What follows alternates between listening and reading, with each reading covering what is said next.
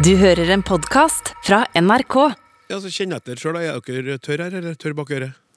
Olaf, kjenn etter du òg. Er du tørr? Ja, nå er jeg tørr. Ja. ja. Ja, og. Helt tørr. Jeg tror fortsatt litt fuktig, men det kommer seg vel med alderen. ja.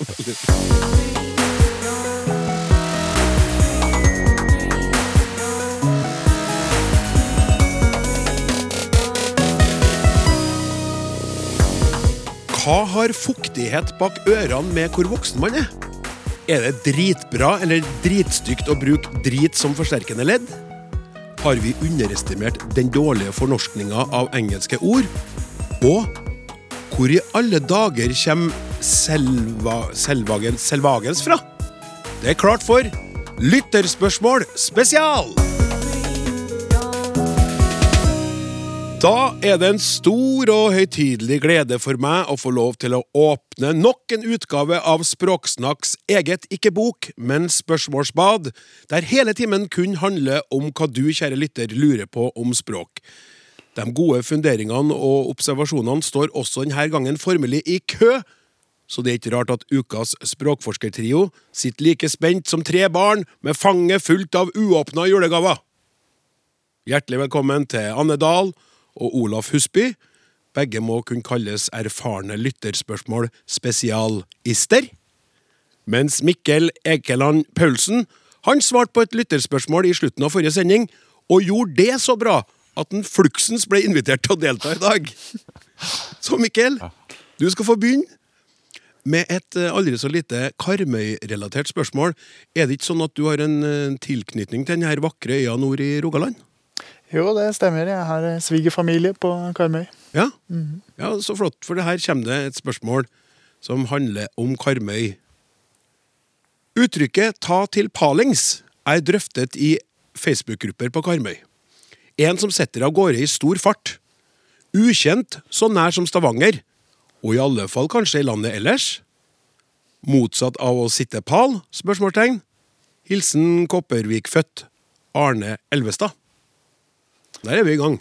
Ja, jeg har jo undersøkt dette litt nærmere. Jeg har jo også hørt det uttrykket bli brukt på Karmøy. Jeg har en svigermor som bruker 'ta til palings'. Ehm, og jeg har heller ikke hørt det noe annet sted. Men det er en del som tyder på at det er ikke unikt for Karmøy. dette her. Det kan hende at det er mer utbredt der enn andre steder, men det fins i hvert fall registreringer av dette uttrykket også andre steder. Eh, Det står f.eks. oppført i nynorskboka, faktisk. Ta til palings. Det står der. Og det er også oppført i Norsk ordbok. Og i Norsk ordbok så er det dokumentert i store deler av landet, da. Eh, Der har de funnet registreringer av paling eh, i både på Vestlandet og i Trøndelag og i Nord-Norge. Så da lurer jeg på om noen av dere bruker et uttrykket? Jeg har aldri hørt det, for jeg er sikker på at uh, svigermor blir skuffa når du har spora det opp til andre, sporet det i andre steder av landet. Men hva er, betyr det det som Arne Arne sier, en som setter av gårde i stor fart? Ja, det gjør det. Altså, paling er en substantivering eh, av å pale, som betyr altså å løpe eller springe. Eh, pale er ikke så utbredt som paling. Eh, pale er registrert noen steder i landet, eh, men substantivering av paling ser ut til å være mer utbredt, og det er trolig via dette uttrykket ta til palings. Å ta til palings det er altså å sette eller springe av sted i en viss fart, ganske stor fart kanskje. Eh, og det har jo også en sånn genitivs S da, på slutten, ikke sant? Ta til palings. Som er det samme som i dra til sjøs eller å reise til fjells. Så dette er jo en gammel eh, sånn, eh, rest av, av genitiv da, som fins i dette uttrykket. Så det kan jo tyde på at det er ganske gammelt i norsk.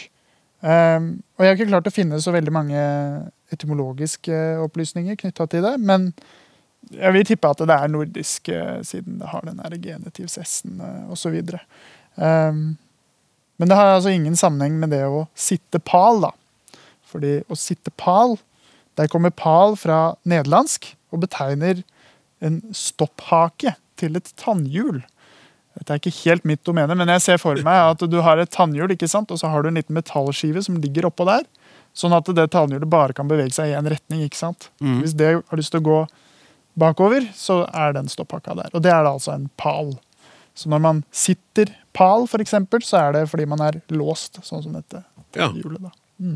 Så bra. Jeg fikk lyst til å begynne å bruke ta til palings jeg nå. Ja. Altså sånn type Nei, folkens, nå må vi ta til palings, ellers så rekker vi jo ikke eh, restaurantbordet vårt. Ja, Ja. der har du det der. Absolutt. Jeg, jeg sitter og kjenner at jeg har å legge til flekkings.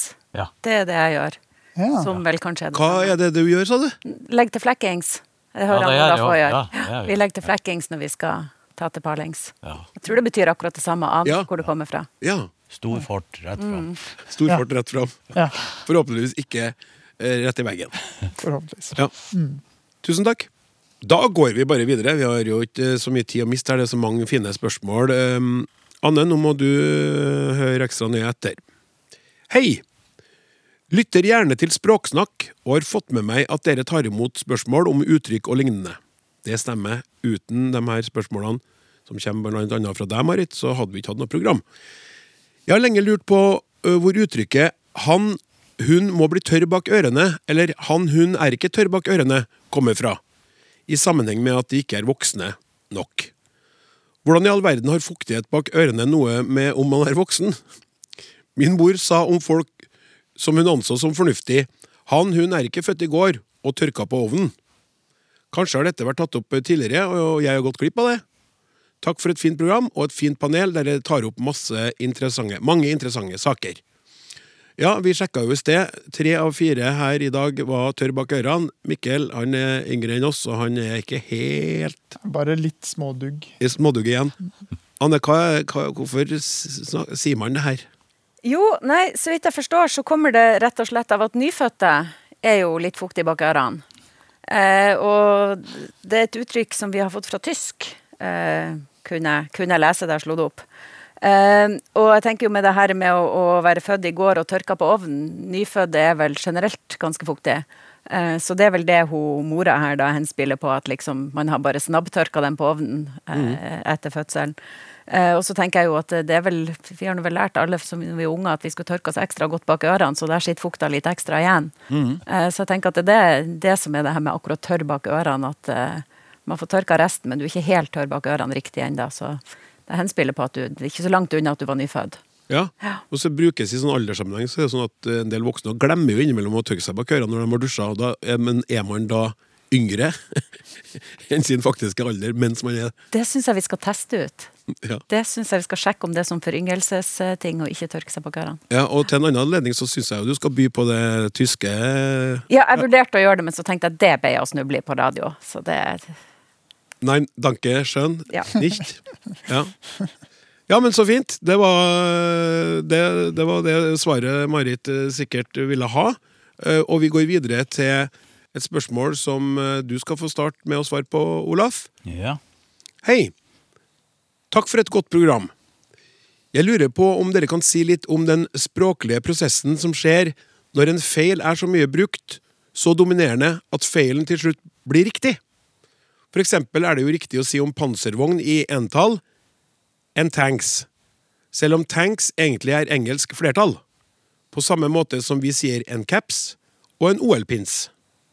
Vi burde sagt en tank, en cap og en pin. Språkfo- Språkfolk sier jo også at hva som er riktig muntlig, også er i endring. Det har jeg jo hørt, må jeg innrømme, i dette programmet.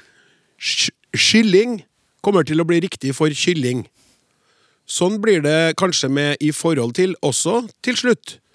At så mange mennesker bruker det så feil, så ofte og så lenge, at det til slutt blir riktig å si i forhold til når de mener når det gjelder. Vennlig hilsen Børge Røsok Nilsen, eh, Kristiansand. Han har jeg faktisk jobba med i Adresseavisa på midten av 90-tallet, så hyggelig å få lyd fra han. Men jeg må ta det siste først, Børge. Du må høre på våres I forhold til spesial fra februar i år i appen NRK Radio, så får du svar på det. Så går ikke vi mer inn på det. Men Olaf, når det gjelder andre, så kan du nå få slippe til. Her er jo et kjempestort spørsmål, og det er jo om språkendring. Og det kunne vi jo kanskje ha brukt mye tid på. Altså hva er det som skjer, eller hva er det som har skjedd siden middelalderen og fram til i dag? På, Altså, på- Middelalderen fram til i dag, det blir kanskje litt Ja, ikke sant, Nei, men men på du har litt tid nå, Olaf, så Ja. vær så god. Jeg, men jeg, jeg legger den til side, så går jeg mer eh, på den her eh, tanksen. Ja. Og, og eh, artig, ordet er jo ganske nytt. Dukka opp under første verdenskrig som et kodeord for det her nye militære kjøretøyet man får. Og det heter jo på engelsk én tank. Men på norsk så er det jo blitt tanks. Og uh, Børge nevner jo òg caps og Pins. pins, ja, ikke sant? Og da kan man jo lure på, altså, hvorfor låner, det er jo, S-en er jo flertall i engelsk. Hvorfor lånes det inn et flertall som egentlig er unødvendig? Da kunne man, Hvis man bare kikker på ordene, så kunne man tenke ok, kanskje har vi en slags uh, forkjærlighet for at sånne ord bør ende på to konsonanter. Den siste bør være S. ikke sant? For du har jo ord som ja, det var caps, tanks, pins. Men vi har jo andre ord der det her ikke fins. Du ser jo ikke én fans eller én shots. Nei. Der ser du en fan og en shot. Du snakker kanskje om boots, men det er jo naturlig, for der er jo ofte to i lag, ikke sant? Ja. Og vi ser ikke en kid heller. Nei, Nei. vi snakker om kids, men det er antagelig, da er det igjen et flertallsbegrep. da. Jeg kikker på hva svenskene har gjort, og de har, eh, har opplevd samme problemet. Altså, der heter det pussig nok ett pins, mens heter det én pin. Så de har to former. Så de har klart å korrigere bort den her S-en, og så hadde de fått hannkjønn sånn som det har i, i, i, i norsk. da. Men altså, svaret på det her, hvorfor den S-en er henta inn, jeg vet ikke. For meg så ja, En eller annen grunn så syns jeg det, det ble lettere å si caps, med, og, altså to konsonanter på slutten. Men det tror jeg er et spørsmål som må, må, må undersøkes nærmere. Altså, Ja, men, men uten at dere nå er forberedt på det, hvordan, hvordan er det med dere, eh, Anne og Mikkel, når det gjelder å være bevisst på bruken, eh, eller si ordene? For jeg, jeg, jeg prøver noen ganger når jeg går på mm, et bakeri, så sier jeg jeg skal ha en scone. Ja. Og så, Ja, ja. så gliser jeg fornøyd, og så registrerer jeg jo knapt hva jeg sier. Men hører sikkert scones. Ja. For det om jeg prøver, for scone er jeg ganske opptatt av. da. Én scone, flere scones. Hvordan er det med dere der? Ja, det er nok litt forskjellig fra ord til ord, som vi har vært inne på. Altså, jeg ville nok aldri sagt en Eller jeg tror da jeg var liten, så sa jeg en cap, fordi da holdt jeg på å lære engelsk. ikke sant? Og så hadde jeg lært det der og der. Men, men eh, den S-en har jo ingen flertallsbetydning i norsk, ikke sant? Så, det, så så, men vi er gode i engelsk, på en måte. Så det er både noe som går helt fint, og noe som skurrer samtidig, da, kan du si, for, for oss som eh, språkbrukere. Da, når vi sier én caps, for eksempel, da, eller én scones. Eh, så, ja.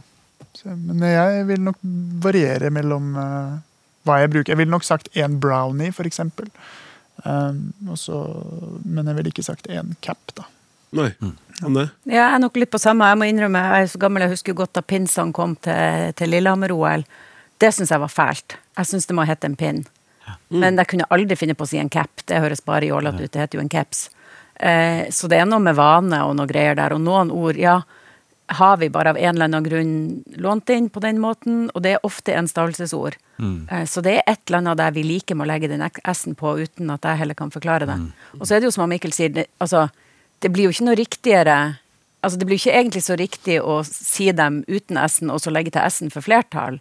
For det er jo ikke korrekt på norsk. Da skal det jo hete flere skåner, eh, flere pinner. Eh, for S er jo ikke en flertall på norsk. Sånn, Ja, mener, du- mener du pinner som i shots nå? Nei, no, ja, ja, det, det kan jeg òg godt mene. Eh, ja, og, og jeg sier nok én shot. Ja, en shot, flere shots. Men Det burde jo hete en shot, flere shotter. Eh, så det, det er noe der med at altså, vi, når vi henter ord fra engelsk, så gjør vi dem jo uansett til våres. Som sagt, jeg sier ikke caps heller, jeg sier caps. Og staver det absolutt med K og E. Sånn at vi har jo uansett gjort dem til våres, og da, da er kanskje ikke den S-en vi tolker den ikke i, i det norske språksystemet som en S, så vi bare tar den med, og så legger vi til. Så vi sier jo flere capser. Er jo helt fint. Mm. Vi må uansett ha norsk flertall på når vi skal bøye det. For at S er ikke noe produktiv flertall på, på norsk. Så det er noe med altså- det der at når vi likevel skal dytte det inn i den norske grammatikken, så Ja. Og så stemmer det jo med måten norske stavelser er- bygd opp på. ikke sant? Det er ikke noe, noe brudd med reglene i norsk, så den, den, den passer godt inn der. Så, men det er jo en, en annen, han stusser han på den, på den S-en. Noen ganger har jeg lurt på hvorfor folk ikke stusser på at vi eh, altså Vi sier jo tanks og camping. det har jo vært forsøkt å, å endre skrivemåten av de her. Som dere husker, Det var et litt sånn rabalder fra noen år siden om ordet pub, om det skulle være med Ø. Ø og bacon med EI. sant? Det var vel han professor Lønning Om man skal si tank, egentlig. Ja, altså, eller, eller skriv tank. Eller tenk med æ, ja. Ja, med æ, ikke sant? Men den type eh, sånn, bekymringer, den, den ser jeg aldri. Altså, vi, vi sier jeg skal på camping, og vi skriver det jo oftest med C går ut ifra. Og Ja. A, så vi låner inn hele ordet. Men vi, vi tar ikke skrittet ut og fornorsker det. Men så kommer det en S. Mm. Og, og den stusser vi på i, i norsk, altså. Ja. Nei, vi, vi, det er jo rett og slett det jeg sier, at vi gjør mye rart med låneord. Mm. Snakket jo her For noen, noen måneder siden snakka vi om å pranke, Mm. som vi faktisk ofte skriver med æ. Av en eller annen merkelig grunn, for vi gjør jo som sagt ikke det med tanks og camping. Så akkurat hva som skjer når vi låner inn ord, det er ikke alltid så lett å forklare logisk. Vi henter dem inn, og så gjør vi dem norsk på et eller annet vis. Ja, ja. Men det er veldig interessant at det skjer. Sånn som prank, at det kommer med jeg, og andre ting ikke gjør Ja, det. ja, ja. Og det å prøve å, å funne altså, Hvorfor skjer det? Og hvem, hvem som kom med den i prank først? Og kunne sitte og følge med bare. Ja. Og det har sikkert noe med hvem er det som begynner å bruke ordet, eh, hvilke sammenhenger begynner det å brukes i, en del sånne ting. Um, Og noe svinger umiddelbart, og noe lugger litt i, i ørene våre, så da detter bort igjen. Ja. Har, har du tid til kyllingen òg, eller? Kyllingen? Kyllingen, eh, kyllingen Ja, ta, ta en kjapp eh, tur innom eh, kyllingen, da. Ja, altså, det her er jo og Her ser vi jo egentlig er et godt eksempel på hva som Vi snakker om middelalderen og nåtida i stad. Hva som, hva som Det her er et lite trinn som skjer i språkutviklinga, og mange sånne trinn får skje over lang nok tid. Så endrer ord og, og uttaler seg. Og her er jo man er jo litt usikker på hvor den skjelyden kommer fra, men det vi vet i alle fall at små barn lærer kje, altså kylling, seint.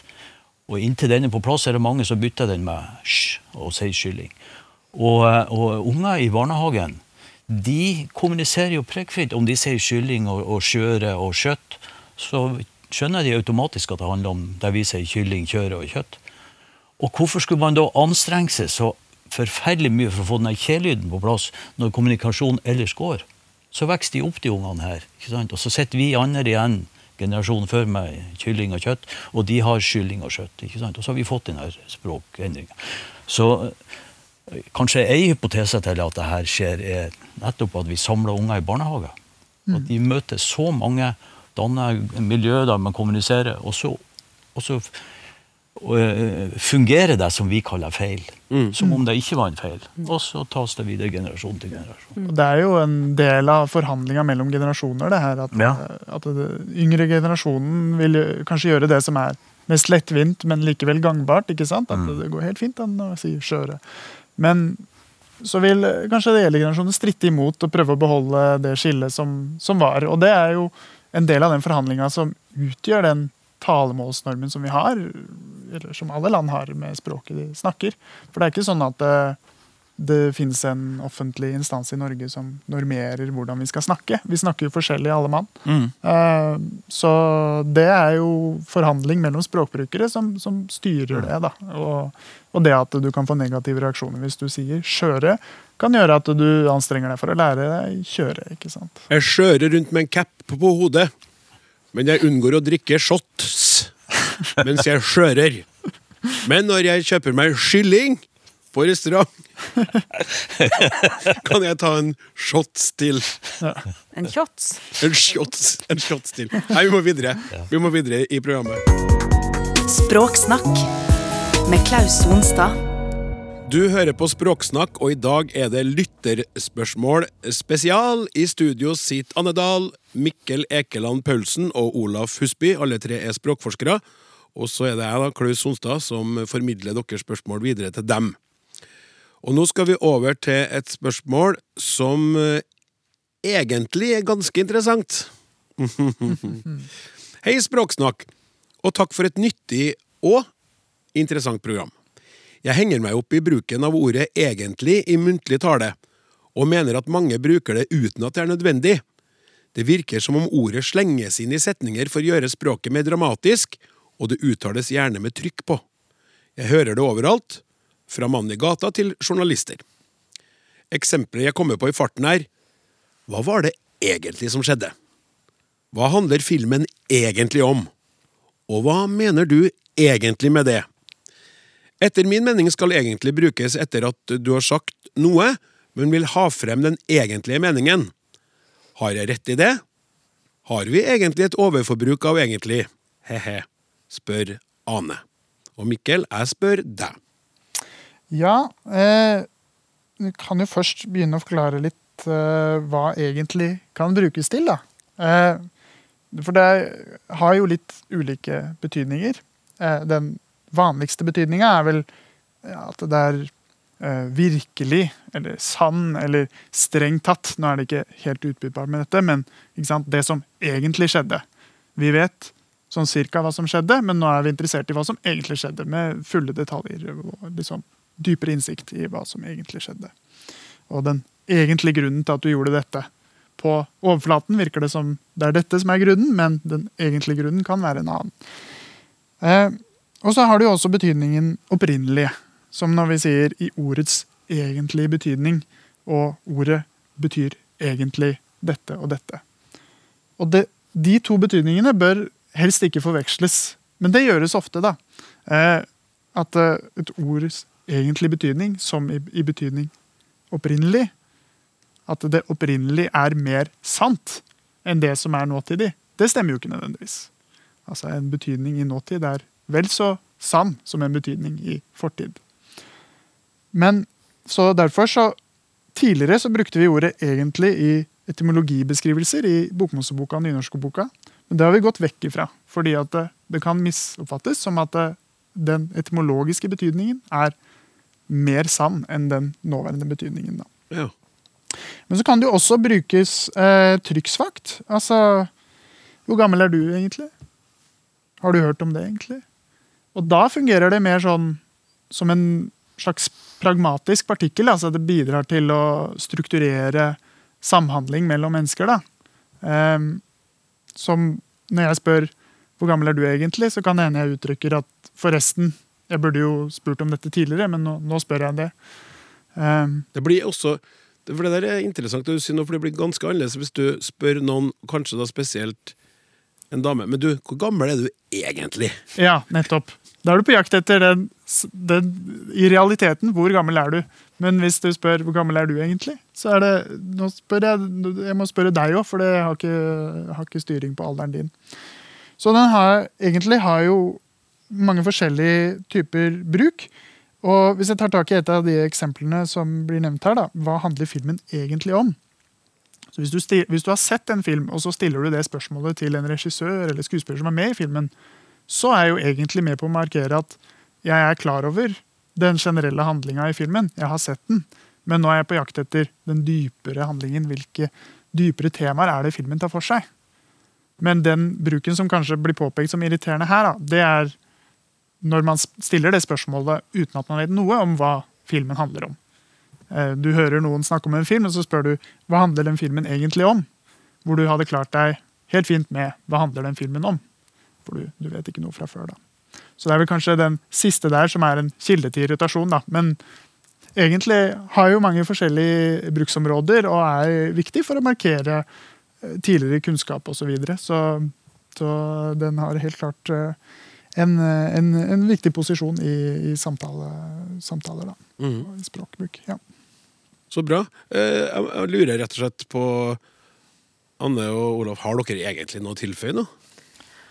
Nei, altså, jeg, jeg tenker som om, altså, Det er jo det her med at den betyr så forferdelig mye forskjellig. Og, og den der eh, pragmatiske markøren, altså, det er jo en sånn der som vi smører setningen med Vi sier jo en masse unødvendige ting hele tida bare for å, at samtalen skal flyte. Jeg har aldri egentlig tenkt over hvor mye jeg sier egentlig før. Jeg sier det sikkert hele tida. Eh, så ja, vi, vi, sier jo mye rart som ikke egentlig har så så, så viktig, mye stor funksjon i, i settinga vår. Vi har masse små partikler og, eh, og, saker og ting som vi sier, og egentlig er en av dem. Mm. Men sånn som Mikkel beskriver, så hvis, hvis, man er mer bevisst på det Og det, det, det jeg opplever eh, som, jeg har, som har slått meg som en fin ting etter at jeg begynte i Språksnakk, er at at mange er ute etter at vi blir litt mer bevisst på hvordan vi bruker ordene våre. Og når vi da hører hvordan egentlig kan brukes forskjellig, med trykket og sånn. At vi kanskje jobber litt med å være bevisst på når det brukes, og hvordan vi bruker sånn at andre ikke kan bli sånn Hva du mener med hvor gammel jeg er egentlig? Eh, trolig utidig spørsmål. Jeg har nettopp sagt at jeg er 29. Sant? Eh, så, så det syns jeg jo er viktig også, da. I tillegg til det som du sier om alle, alle de her partiklene som svever rundt, som vi gjør nytte av mer eller mindre bevisst, så er det kanskje det lytterne savner. Mer bevissthet rundt ord vi bruker. Ja, Olaf, vær så god. Det er, jo, det er jo litt interessant, altså. De partiklene, jeg tror, jeg tror ikke de svever, egentlig. Altså, vi har jo et underliggende regelverk som, som styrer det her. De detter ikke ut tilfeldig. Altså. Så det, det som er interessant å være forsker, er å gå inn og se her. Når brukes de i hva slags forbindelse og med hva slags hensikt? Mm. Mm. Ja det, det er. Og da er det godt med sånne spørsmål som vi får her. ikke Ja, det, det er fint. Eh, tusen takk. Vi går videre. Hei, Språksnakk. Jeg lurer på om dere nydelig har hatt opp eh, dette ordet. Og nå må jeg si, jeg bekrefter egentlig nå at vi ikke har hatt det opp i det hele tatt, for jeg vet ikke hvordan jeg skal uttale det engang. Så nå sier jeg en måte å si det på, og så håper jeg på korreksjon etterpå, Anne. Selvagens. Sel, selvag, selvagens. Hvis ja, ønsker jeg en lenke til programmet hvor ordet drøftes. Vet ikke hvordan jeg søker opp ord for å komme til rett program. Men det er ikke noe bekymring, for vi tar det jo opp nå. Jeg søkte på ordbøker på nett, men ingen norske ordbøker jeg kom over hadde dette ordet i listen sin. Er det et ord vi bruker som brukes? Jeg bruker det ikke, men hører det. Hvilket ord kan vi eventuelt erstatte det med? Hvordan forklarer dere innholdet i dette ordet? Gjerne også opprinnelse. Dersom dere tar det opp, kan dere gjerne sende meg tidspunktet for når dette drøftes. Smilefjes, takk. Skriv Ing- Ingunn Høgås med vennlig hilsen. Men vet du, Ingunn, jeg syns det er mye mer stas at du hører på oss på fast basis, og så blir du gledelig overraska når spørsmålet ditt dukker opp. Eller så får vi håpe at noen som kjenner deg blant lytterne, eh, gir deg et lite hint. Men nå Jeg kunne ha skrevet det her spørsmålet og sendt inn sjøl, for jeg aner ingenting. Anne, selv, selv Nei, vi, du må be, si Er det et ord? Er det et ord? Det er et ord. Det er et ord. ord? vi kan starte med å si at ja visst er det et ord. Eh, men vi var jo eh, sjøl her panelet såpass ukjent med det at vi hadde en liten diskusjon av uttalen på forhånd eh, og kom frem til at det må være selvagens. Selvagens, Ja, ja. eh, og grunnen til at jeg, vi tenker at det er det at agens er nå et ord vi, vi kan. Eh, og agens eh, kommer fra skal jeg sjekke. Det kommer fra latin eh, og betyr virkende. Eh, sånn at agens, som er da på en måte kjernen av det her ordet, eh, har med noe som virker å gjøre. Og eksempel i, i språkforskninga så bruker vi agens om den delen av setninga som får noe til å skje, eksempel. Så det er en tematisk rolle. Så agens er, er et låneord fra latin som vi bruker i norsk om noe som påvirker noe. Og hvis du da setter sammen med selv, som vi jo godt kan gjøre på norsk, vi kan sette sammen alle ord vi vil, nesten. Eh, Det vet han Mikkel mye mer om enn meg. Um, Så, så får vi da det å påvirke seg sjøl. Og det er det selvagens betyr. Eh, Jeg fant f.eks. da en, en fin definisjon i en, en kronikk eh, hos NRK, der det er en overlege som skriver eh, Barna trenger å tro på og erfare at de selv er i stand til å påvirke og ordne opp. I barnepsykiatrien kaller vi dette for selvagens. Så det er altså det her med sånn mestring og herredømme over eget liv, og det å kunne bestemme over seg sjøl og påvirke sitt eget liv. Det er selvagens. Eh, og det er jo da en, en psykiatrisk, medisinsk betegnelse, eh, først og fremst. Og der skal den sikkert ikke, bør vi sikkert ikke erstatte den med noe. Det er nok et presist fagbegrep de bruker. Men hvis man snakker om selvagens i sånn dagligtale, så kan man kanskje si noe sånt som at, at den følelsen av at du kan styre ditt eget liv, og at du har kontroll på eget liv. Ja. Eh, og så, så har jeg nå fremstilt det som at det her har vi fra, først og fremst fra latin. Eh, jeg er mye mer kjent med ordet self-agency på engelsk, og det brukes ganske mye. Det brukes i, i type pedagogisk litteratur osv. Eh, læringssituasjoner så er det viktig å ha selvagens, altså du styrer din egen læringssituasjon og sånt. Eh, så det er godt mulig at vi har lånt selvagens helt fra engelsk self-agency, eh, som de selvfølgelig da igjen har fått fra agens fra latin. ja. Ja. Så, så der kommer det fra. Så bra. Også et uttrykk jeg kunne tenkt meg å ha fått inn i vokabularet mitt. Opplever en stor grad av selvagens for tida. Ja. Har det bra, jeg nå. Mye bedre enn før. Ja. Ja. Veldig godt ord. Nyttig ord. Det er bra ord. Hør flere episoder av Språksnakk i appen NRK Radio. Språksnakk er programmet, det regner jeg med du er klar over. Nå har vi lytterspørsmål spesial, og vi dundrer videre. Hallo, språksnakkere! Artig program dere har, med mange gode spørsmål. Kan dere være så inderlig snille å ta opp misforståelsen med ordet nære? Det er vel egentlig et verb? Hvorfor sier folk, også høyt utdannede, nære eller nærme når de mener nær? Selv vår nye statsminister bommer på dette. Kan dere spørre en språklærer og rydde opp? Vennlig hilsen Paul T. Anderson. Vet du, Paul, det kan vi. Han sitter her rett foran meg. Han heter Olav Husby. Ja, eh, han spør Eller jeg sier vel at, at ordet 'nære' egentlig er et verb. altså Egentlig så er det jo Vi finner det jo i tre ordklasser. Vi finner det jo som et adverb i Det var noe sånt, det var 'nære på'. Og så finner vi det som verb da i 'nære', altså gi mat. Altså vi er nære, og, og, som da går videre til næring osv. Og så finner vi det som, som ei, ei form av adjektiv. altså Det er jo en kjent sang som heter 'De nære ting'. Ting. Ja. Det Eh, gjelder å elske de nære ting. Ja. ja, takk skal du ha. Bare hyggelig. Eh, så, jo, eh, så jeg tenkte jeg skulle se litt på det her, for han nevner det her nærme. Og det hører jo folk si, og, og jeg stussa litt over det òg. Og så kikka jeg i ordboka, så viste det seg at det er, i bokmål så er det ei lovlig form. Som, altså, det står for eksempel et eksempel, det står eksempelet 'Bilen sto nærme en garasje'. Ja. Og det, jeg kan ikke si det, så jeg må si bilen sto nær, nært garasjen. eller noe sånt. å si. Men, men formen nærme står i bokmålsboka. Eller de sto nærme hverandre. På trøndersk så er det jo noe vi sier. Ja, Du kan så, ikke stå så nærme veggen med bilen. så er jo spørsmålet så hvorfor, hvor kommer den formen nærme ifra? Og, og en del forklaringer så er det et fenomen som heter tilbakedanning. Altså hvor du tar utgangspunkt i eh, ja, Hvor skal vi forklare tilbakedanning? La oss si at du, du skal handle til jul. Så, og da utfører du en julehandel.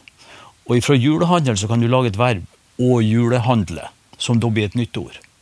Og på den måten så kan du lage ord som altså, å anmelde til politiet, du leverer en politianmeldelse, og det blir til å politianmelde.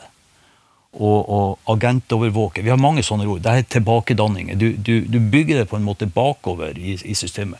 Og hvis du da tar for meg 'nærmest', som da er et adjektiv i superlativ form, tar du bort endinga, så går du til 'nærmere', som da er komparativ form. Så tar du bort endinga der. Hva du ender med da? Ja, du skulle jo ende med 'nærm'. At det skulle hete 'nærm', 'nærmere', 'nærmest'. På samme måte som 'varm', 'varmere', 'varmest'. Men nå heter det jo ikke 'nærm'. Vi sitter jo ikke nærm hverandre, vi sitter nærme. Så det er jo spørsmålet hvor kommer den én ifra? Altså, kanskje er det den samme en som han sa folk sitter nære. At vi, og da begynner vi å snakke om stavelsesstruktur, at vi vil gjerne ha en vokal på slutten der. Men når vi legger en vokal bak m-en, så får vi ordet med, og det fikk meg til å tenke på noe helt annet. For jeg kan si i min dialekt at hun satt med bordet, hvor jeg blir nødt til å skrive 'hun satt ved bordet'. Jeg vet ikke om, om, om dere har med og ved kan, kan bruke det sånn. Jeg kan nok gå med på med, Ja, med meg, ja. Så, så øh, altså, preposisjonen ved har ei form med. Og da kan det jo hende at, eh, at eh, det er egentlig to gamle ord, nær ved, som blir til nær med, og så i kjapp tale så blir det til nærme. Jeg syns dere eh, Olaf er nær ved, eller nærme, et ordentlig svar på det spørsmålet, da? Ja, Det kan jo godt tenkes at det er en sammentrekning av nærme bordet. Ja, ja. Og vi ser, her er òg en liten forbindelse mellom V og M i, i, i lydsystemet i norsk. For eh, jeg kan, iallfall når jeg er i Sandnessjøen, så sier jeg fort hamn og ikke havn. Og, og mange sier jo navn og ikke navn osv. Så videre. sånn at det der eh, skiftet VM eh, eh, altså, Igjen altså nær ved, nær med. Kanskje det er to impulser her som gjør at så Jeg har kommet i tvil om det som står i bokmålsboka, altså tilbakedanning, og så tror jeg heller på den her at det er noe, Ja, det kan godt hende. det er noe annet som har skjedd. Altså. Mikkel, du jobber jo med bokmåls- og nynorskordboka med en oppgradering av hele sulamitten. Ja, Det er ikke så få ord som er inni der. Nei, det er det ikke. Det er opp mot 100 000 ord i hver av dem. Mhm. Så det tar litt tid. Dere er nå på bokstaven K. nettopp. Ja. Ja. Så dere er ikke sånn kjempenærme slutten ennå? Nei, vi er jo ikke det, og vi har jo fortsatt igjen S-en. Og S-en er jo Den er jo nesten halve ordboka aleine. Den Ja. er ikke fullt det, da, men S-en er kjempestor, fordi den kan stå foran så mange. Men nå skal vi over til en annen bokstav, nemlig D.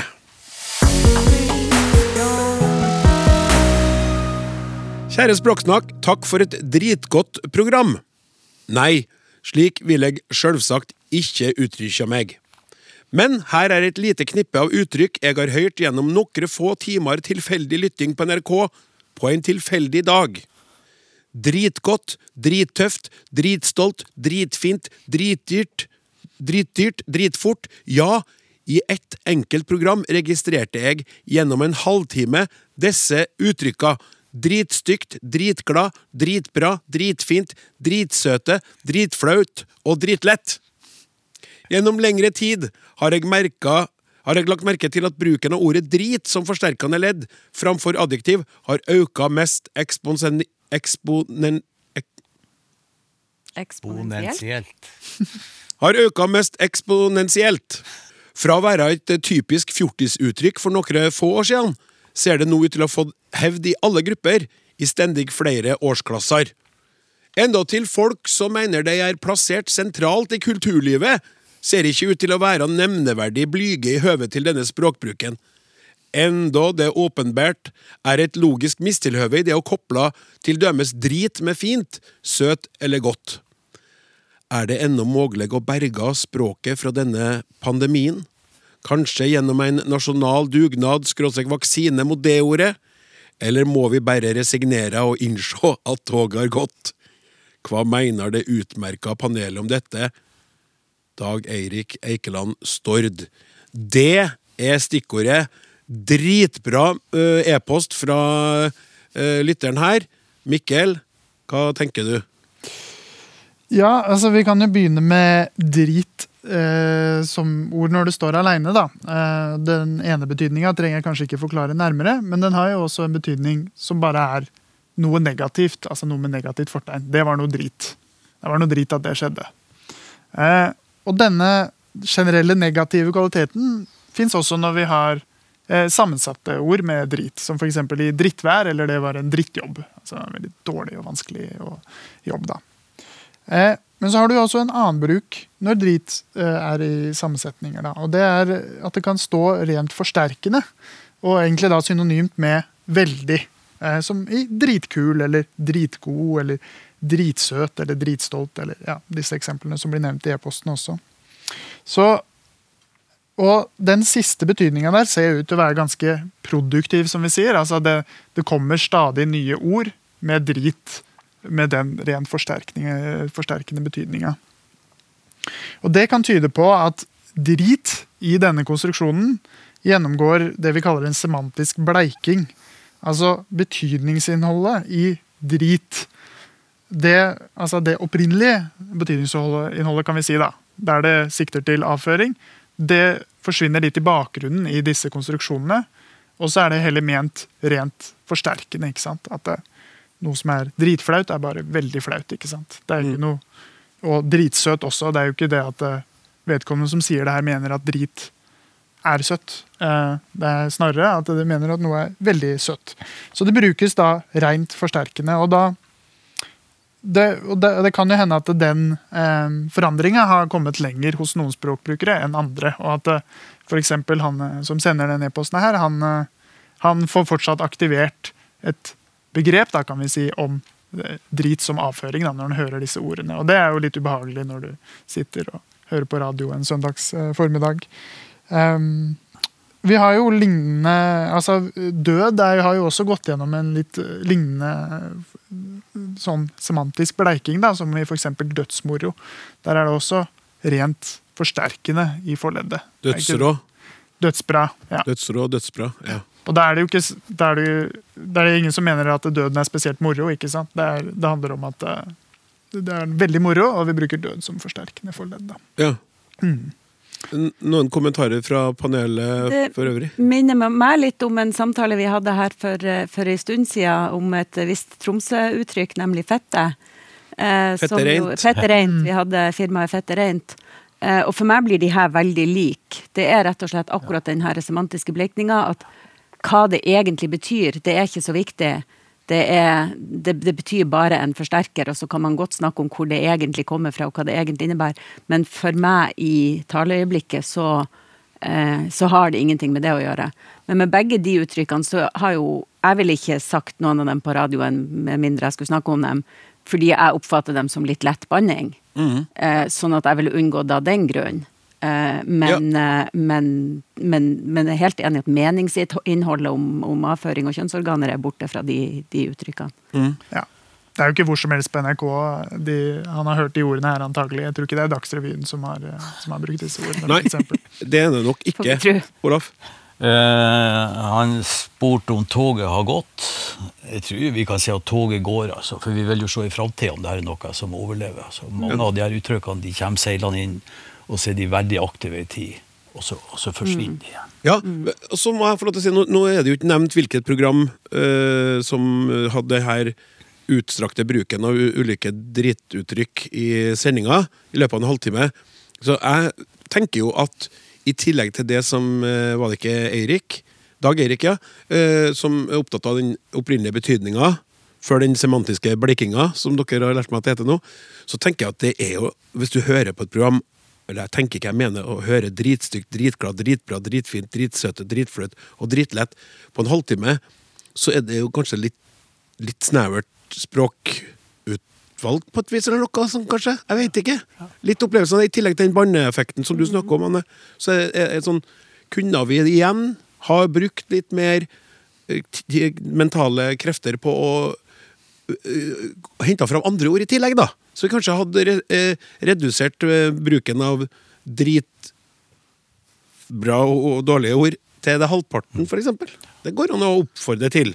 Det tjener jo sikkert også en sosial funksjon, ikke sant? i og med nemlig, at det brukes eh, så hyppig. Og det er jo fortsatt markerte ord, ikke sant? siden du ville ikke hørt dem på Dagsrevyen. Så Det du antyder du nå, at jeg er eh, over 50 og sitter egentlig og snakker om at de skal rose ned dem som syns det er dritfett med sånne ord. jeg kan ha en hypotese om at eh, de som bruker de ordene her, ikke først og fremst ønsker å appellere til deg, da. Kan være en Takk skal du ha, Mikkel. Da går vi videre i programmet. Språksnakk med Klaus Sonstad. Og jf. det som nettopp ble sagt, her er det en e-post fra en lytter som eh, antar at det er et aldringstegn å irritere seg over andres språkbruk. Jeg har fått et oppheng i bruken av det som etter min mening er dårlige fornorsk fornorskninger av engelske ord, der vi allerede har dekkende norske begreper. Noen eksempler som jeg har hørt på NRK. NRK får jo altså eh, mye eh, irritasjon. Men det er mange som hører på NRK. Det er noe positivt med det om endra holdninger til sexpress etter metoo, da ville dette fått en helt annen resepsjon i den institusjonen hvor jeg jobbet. Og så kommer det andre eksempel. Vi har kanskje underestimert hvor vanskelig det var. Det følte jeg meg veldig intimidert av. Det er ingen hereditet for psykiatriske problemer i familien. Vi trenger ikke hesitere før vi ansetter flere. Og så kommer det her. Den beste, mener kanskje verste, hørte jeg i et program på NRK2 om komponisten Christian Sinding. Sinding var i liten grad interpretator av egne verker. Jeg er selvsagt klar over at samfunnsutviklinga krever at vi tilfører språket nye begreper, og at det ikke er til å unngå at noen av de nye ordene har opprinnelse i andre språk, og da som oftest engelsk. Men dette er noe annet. Ingen av utsagnene som er referert, krever at vi finner på nye ord. Jeg lufta disse synspunktene i ei språkgruppe på Facebook, og fikk jo litt støtte, men også tilbakemelding fra mange som var rykende uenig med meg. Jeg har følelsen av at mange ser det som krenkende atferd og i det hele tatt kommenterer andres språk. Mange så heller ikke noe galt med disse anglisismene. Dette får meg til å spørre om det i det hele tatt har noen mening å snakke om godt eller dårlig språk. Kanskje er all språkbruk likeverdig? Er det ikke da også greit med stavefeil og grammatiske feil? Språket er det som til enhver tid snakkes, og hvis noen vil lage sine egne regler, er det fritt fram. Er det noe spesielt norsk at vi er veldig liberale når det gjelder å akseptere språklige utvekster eller fornyelser? Jeg har inntrykk av at man i andre land har en mer restriktiv, restriktiv holdning til hva som er godtatt som korrekt språk. Hører gjerne noen synspunkter på dette. Vennlig hilsen Øystein Lunde. Du verden. Eh, Anne, du kan få starte her, jeg regner med at eh, panelet i sin helhet vil melde seg på. Ja. Interessant e-post igjen. Jeg skulle spørre hvor mange timer har vi til å diskutere det her? For Ja, det kan vi snakke lenge om. vi starter i dag, så kan vi komme tilbake til det. Det er et veldig spennende tema. Det kan vi godt gjøre. Ja. Jeg, jeg tenkte jeg kunne bare begynne litt med å snakke om hvorfor, hvorfor det her skjer. Eh, eh, for det er ingen tvil om at veldig mange, eh, når vi snakker norsk, så gjør vi sånne ting som at vi enten bare tar et engelsk ord og sier det engelske ordet, eller at vi gjør sånn som det er noen eksempler på her, at vi, vi tar et ord som, som ikke egentlig er brukt på norsk, og så uttaler vi det på norsk, men men det er et engelsk ord, eller ja, det er som, som regel engelsk vi henter fra. Og det er en sånn ting som er helt uunngåelig når vi har eh, ei stor befolkning som er funksjonelt tospråklig. Og veldig, veldig mange nordmenn, de fleste nordmenn under en viss alder, er jo funksjonelt tospråklig med norsk og engelsk. Eh, vi snakker som regel best norsk, men vi snakker helt fint engelsk. Og enda viktigere, vi bruker masse engelsk. Engelsk er aktivt i hjernen vår hver dag for de fleste av oss. Og det som skjer da, vi, når vi har to språk inn i en og samme hjerne, så er de jo ikke liksom mura inne i hver sin silo. De, de, de påvirker hverandre. Eh, og vi vet fra språkforskninga, det vi kaller psykolingvistisk forskning, som, som liksom ser på språket i hjernen, så vet vi at når vi bruker ett språk, og kan flere, så er alle språkene vi kan, er på en eller annen måte aktive når vi bruker bare det ene språket. Eh, og vi vet at når vi hører eller skal hente opp et ord fra et språk, når vi bruker språk, så aktiveres veldig mange andre ord. Mange andre ord på samme språk som ligner, eller som betyr det samme, eller som samme, begynner på samme lyd. Og også lignende ord, både lydlig og meningsmessig, på andre språk. Sånn at hvis jeg skal si eh, å nøle på norsk, så aktiveres hesitate i mitt språklige system, for det har jeg i min hjerne. Og da er det jo sånn, for når vi snakker, så sier vi jo av og til nesten det ordet vi mente, ikke helt det ordet vi mente. Det, det er også en helt vanlig ting å gjøre når man snakker. Og da kan jeg da i gjerningsøyeblikket når jeg sitter og snakker, ende opp med å si at jeg hesiterte. Mm. Istedenfor at jeg nølte. Og det er på en måte en helt vanlig ting. Og jo mer engelsk du bruker i det daglige, jo mer aktiv din engelsk er, jo oftere vil det sannsynligvis skje. Eh, så det, det, er på en måte en sånn helt naturlig ting som skjer når man kan um, flere språk. Så det er nå det første. Og, og det her er jo snakk om i mer sånn muntlig, vanlig språkbruk. Eh, det er jo noe annet kan man bestemme seg for å skrive når man har tid til å planlegge og, og sånne ting. Mm. Men, men, jeg gjør det her hele tida, og jo mer uformelt jeg snakker, jo mer gjør jeg det. Og så er det jo også noe med mottaker, da. Fordi at jeg vil nok unngå å gjøre det når jeg sitter her. For jeg kjenner ikke dem som hører på meg nå. Jeg vet ikke hvor aktiv deres engelsk er. Jeg vet ikke hvor lenge de må tenke seg om før de skjønner hvordan engelske ord jeg mente. Mens hvis jeg snakker med mine nærmeste venner, så blåser jeg i det. For de vet jeg at har akkurat samme blandinger som meg. Så du kan tenke på om mottaker blir intimidert av, av, det du sier, da, rett og slett? Det er akkurat det. Hvis jeg har tid å planlegge litt, så unngår jeg kanskje å intimidere dem. Ja. Eh, så kan vi jo komme tilbake til at det er kanskje ikke alle de her eh, eksemplene han har som egentlig er eh, dårlige fornorskninger av, av engelske ord. så hvis vi kan begynne med intimidere, da, så, så er det et norsk ord som står i ordboka. Mikkel har kommet til is, og det, det har han sikkert skrevet inn der.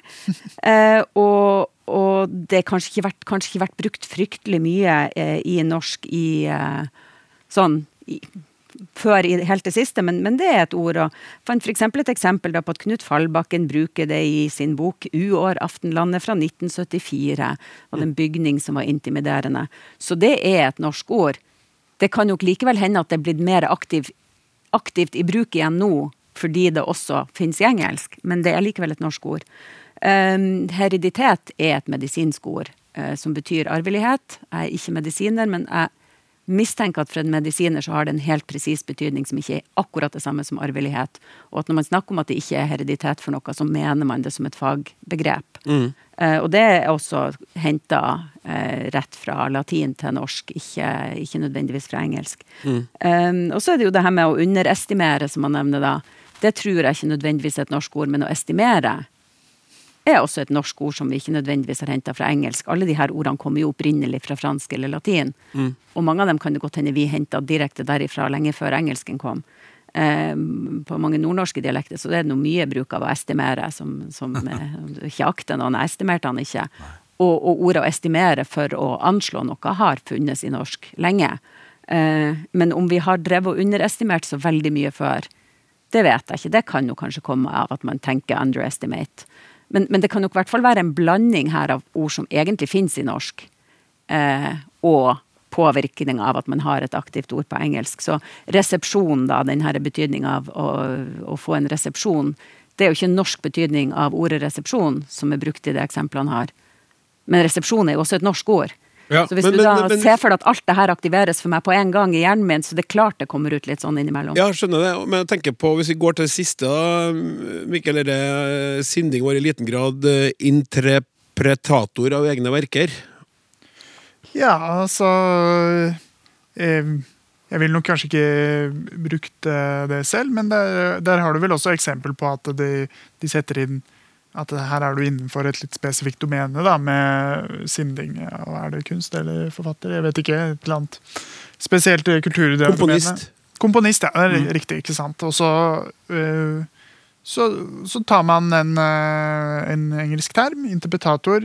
Jeg vet ikke hvor lenge det har vært i norsk, om det er i norsk. Det har jeg ikke undersøkt, men at det, det får en litt mer spesialisert betydning da, ofte når det tas inn i norsk. Og det har vi jo flere eksempler på. at eh, eksempel eh, chat eh, har jo ikke fortrengt prate og snakke og pludre og de ordene vi bruker for helt vanlig samtale, men det brukes spesifikt om samtaler, digitale samtaler på internett. Da, en, en spesiell type programvare. ikke sant?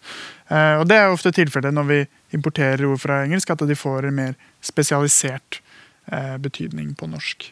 Og så vil jeg også si, for det er jo et spørsmål om, her om om Norge er spesielt eh, liberalt med tanke på språklige fornyelser. og det, det tror jeg ikke. Og det, det må jo også eh, påpekes her at det er en eh, forskjell mellom muntlig språk og skriftlig språk. Ting, altså Ord vi tar inn og bruker muntlig, kan, trenger ikke være sånn at det ordet går inn i norsk fordi at vi har brukt det et par ganger. Eh, som, som eh, Anne var inne på, så, så er vi jo tospråklige. ikke sant? Så det kan jo også være eksempel på, på kodebytting midt inni at vi, vi bare skifta over til engelsk litt, og så skifter vi tilbake fordi alle snakker jo engelsk, så, så de vil jo forstå det.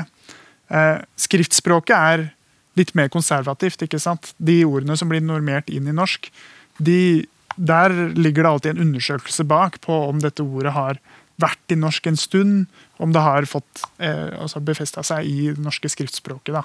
Eh, som f.eks. intimidere. ikke sant? Når Knut Fallbakken bruker det i en roman, så er det med på å befeste det ordet inn i, inn i norsk. da. Men kan det være sånn for Vi har jo snakka mye om det i Språksnakk, om forskjellen på talespråk og skriftspråk, selvfølgelig, som du er inne på nå. Men kan det være sånn når man oppdager ord som man både oppdager at man bruker sjøl, eller at andre bruker å irritere seg over, så har det allerede vært der en stund, men så er det sånn som når du når du kjøper en ny bil og den eh, har en viss farge, så legger du merke til at masse andre har sånn samme farge. At du at vi, Oi, det er et helt nytt ord! Hva er det som foregår? Men det er en, først ens egen oppdagelse, og så ser man rundt seg og begynner å lytte etter det. Bruker jeg kanskje sjøl. Men da har det vært der mye lenger enn man egentlig har forstått, før man tar det, tar det sjøl. Ja, det kunne jo vært på andre, eller mer snevre arenaer. Så jeg antar jo det her med sinding, det, det er jo antagelig en, en musikkviter som snakker. ikke sant? Og det, det, han egentlig, det han sier, er jo at ja, sinding spiller ikke, kanskje ikke sine egne verk så offentlig, eller så, så ofte offentlig. ikke sant? Og så har du jo da eh, ordet 'interpretere', som ikke er noe spesielt uvanlig i, i, i, våre kretser. da. Og så, lager du, eller så har du et substantiv 'interpretator', og så en fortolker. Så, så er klart, Som fagspråk, altså i tillegg til det, det psykolingvistiske, som er kjempespennende, så har du jo som fagspråksarena, og plutselig så og kanskje, Jeg vet ikke om det er oftere på P2 at jeg, at jeg, at jeg glepper det. at NRK2 og glemmer- P2. Glemmer å, å, å, å, å popularisere litt, eller å bruke norske ord da, når det kommer til veldig sånn spesifikke begreper. Altså. Og Der kommer jo også det tospråklige inn, ikke sant? fordi vi er i stand til å identifisere at dette ordet fins på engelsk. Da drar vi slutning om at å, det, nå begynner vi å bruke engelske ord her, men så kan det, som Anne sier, Ja. ha vært i norsk kjempelenge. Ja, men, men nå må vi jo nesten, eh, for å hjelpe lyttere som da ønsker å bruke eh, mer norske ord, skulle jeg til å si. Jeg sa det òg. Så eh, Godt har vi lista, og så kommer dere med noen eh, alternativer. Uh, resepsjon. Altså, vi har fått en helt annen resepsjon i den institusjonen hvor jeg jobbet. Det må nå være Ja, mottakelse. mottaket. Ja. tenkte. Vi har kanskje underestimert hvor vanskelig det var. Undervurdert. Hva? Ja. Det følte jeg meg veldig intimidert av. Trua, kanskje. Ja. Det er et eller annet sted mellom trua og overveldet. Altså litt begge deler. Men, Ja, men, akkurat intimidert vil jeg gjerne beholde. Ja, akkurat. Men hvis man skal si noe annet, så det følte jeg meg veldig truet og overveldet av. Det er ingen hereditet for psykiatriske problemer i familien. Arvelighet. Arvelighet. Ja. Vi trenger ikke hesitere før vi ansetter flere. Nøl. Nøle, ja. Da skal det. Og så kommer vi til komponisten. Ja, Sinding var jo i liten grad repetator av eh, egne verker. Fortolker. Ja. Sinding var i liten grad fortolker av egne verker. Takk for hjelpa, skal dere ha, alle tre. Det var alt vi rakk i dagens lytterspørsmål spesial. Tusen hjertelig takk for alle spørsmål innsendt til snakk krøllalfa.nrk.no. Og like mange og like hjertelige takker til ukens ekspertpanel Anne Dahl, Olaf Husby og Mikkel Ekeland Paulsen.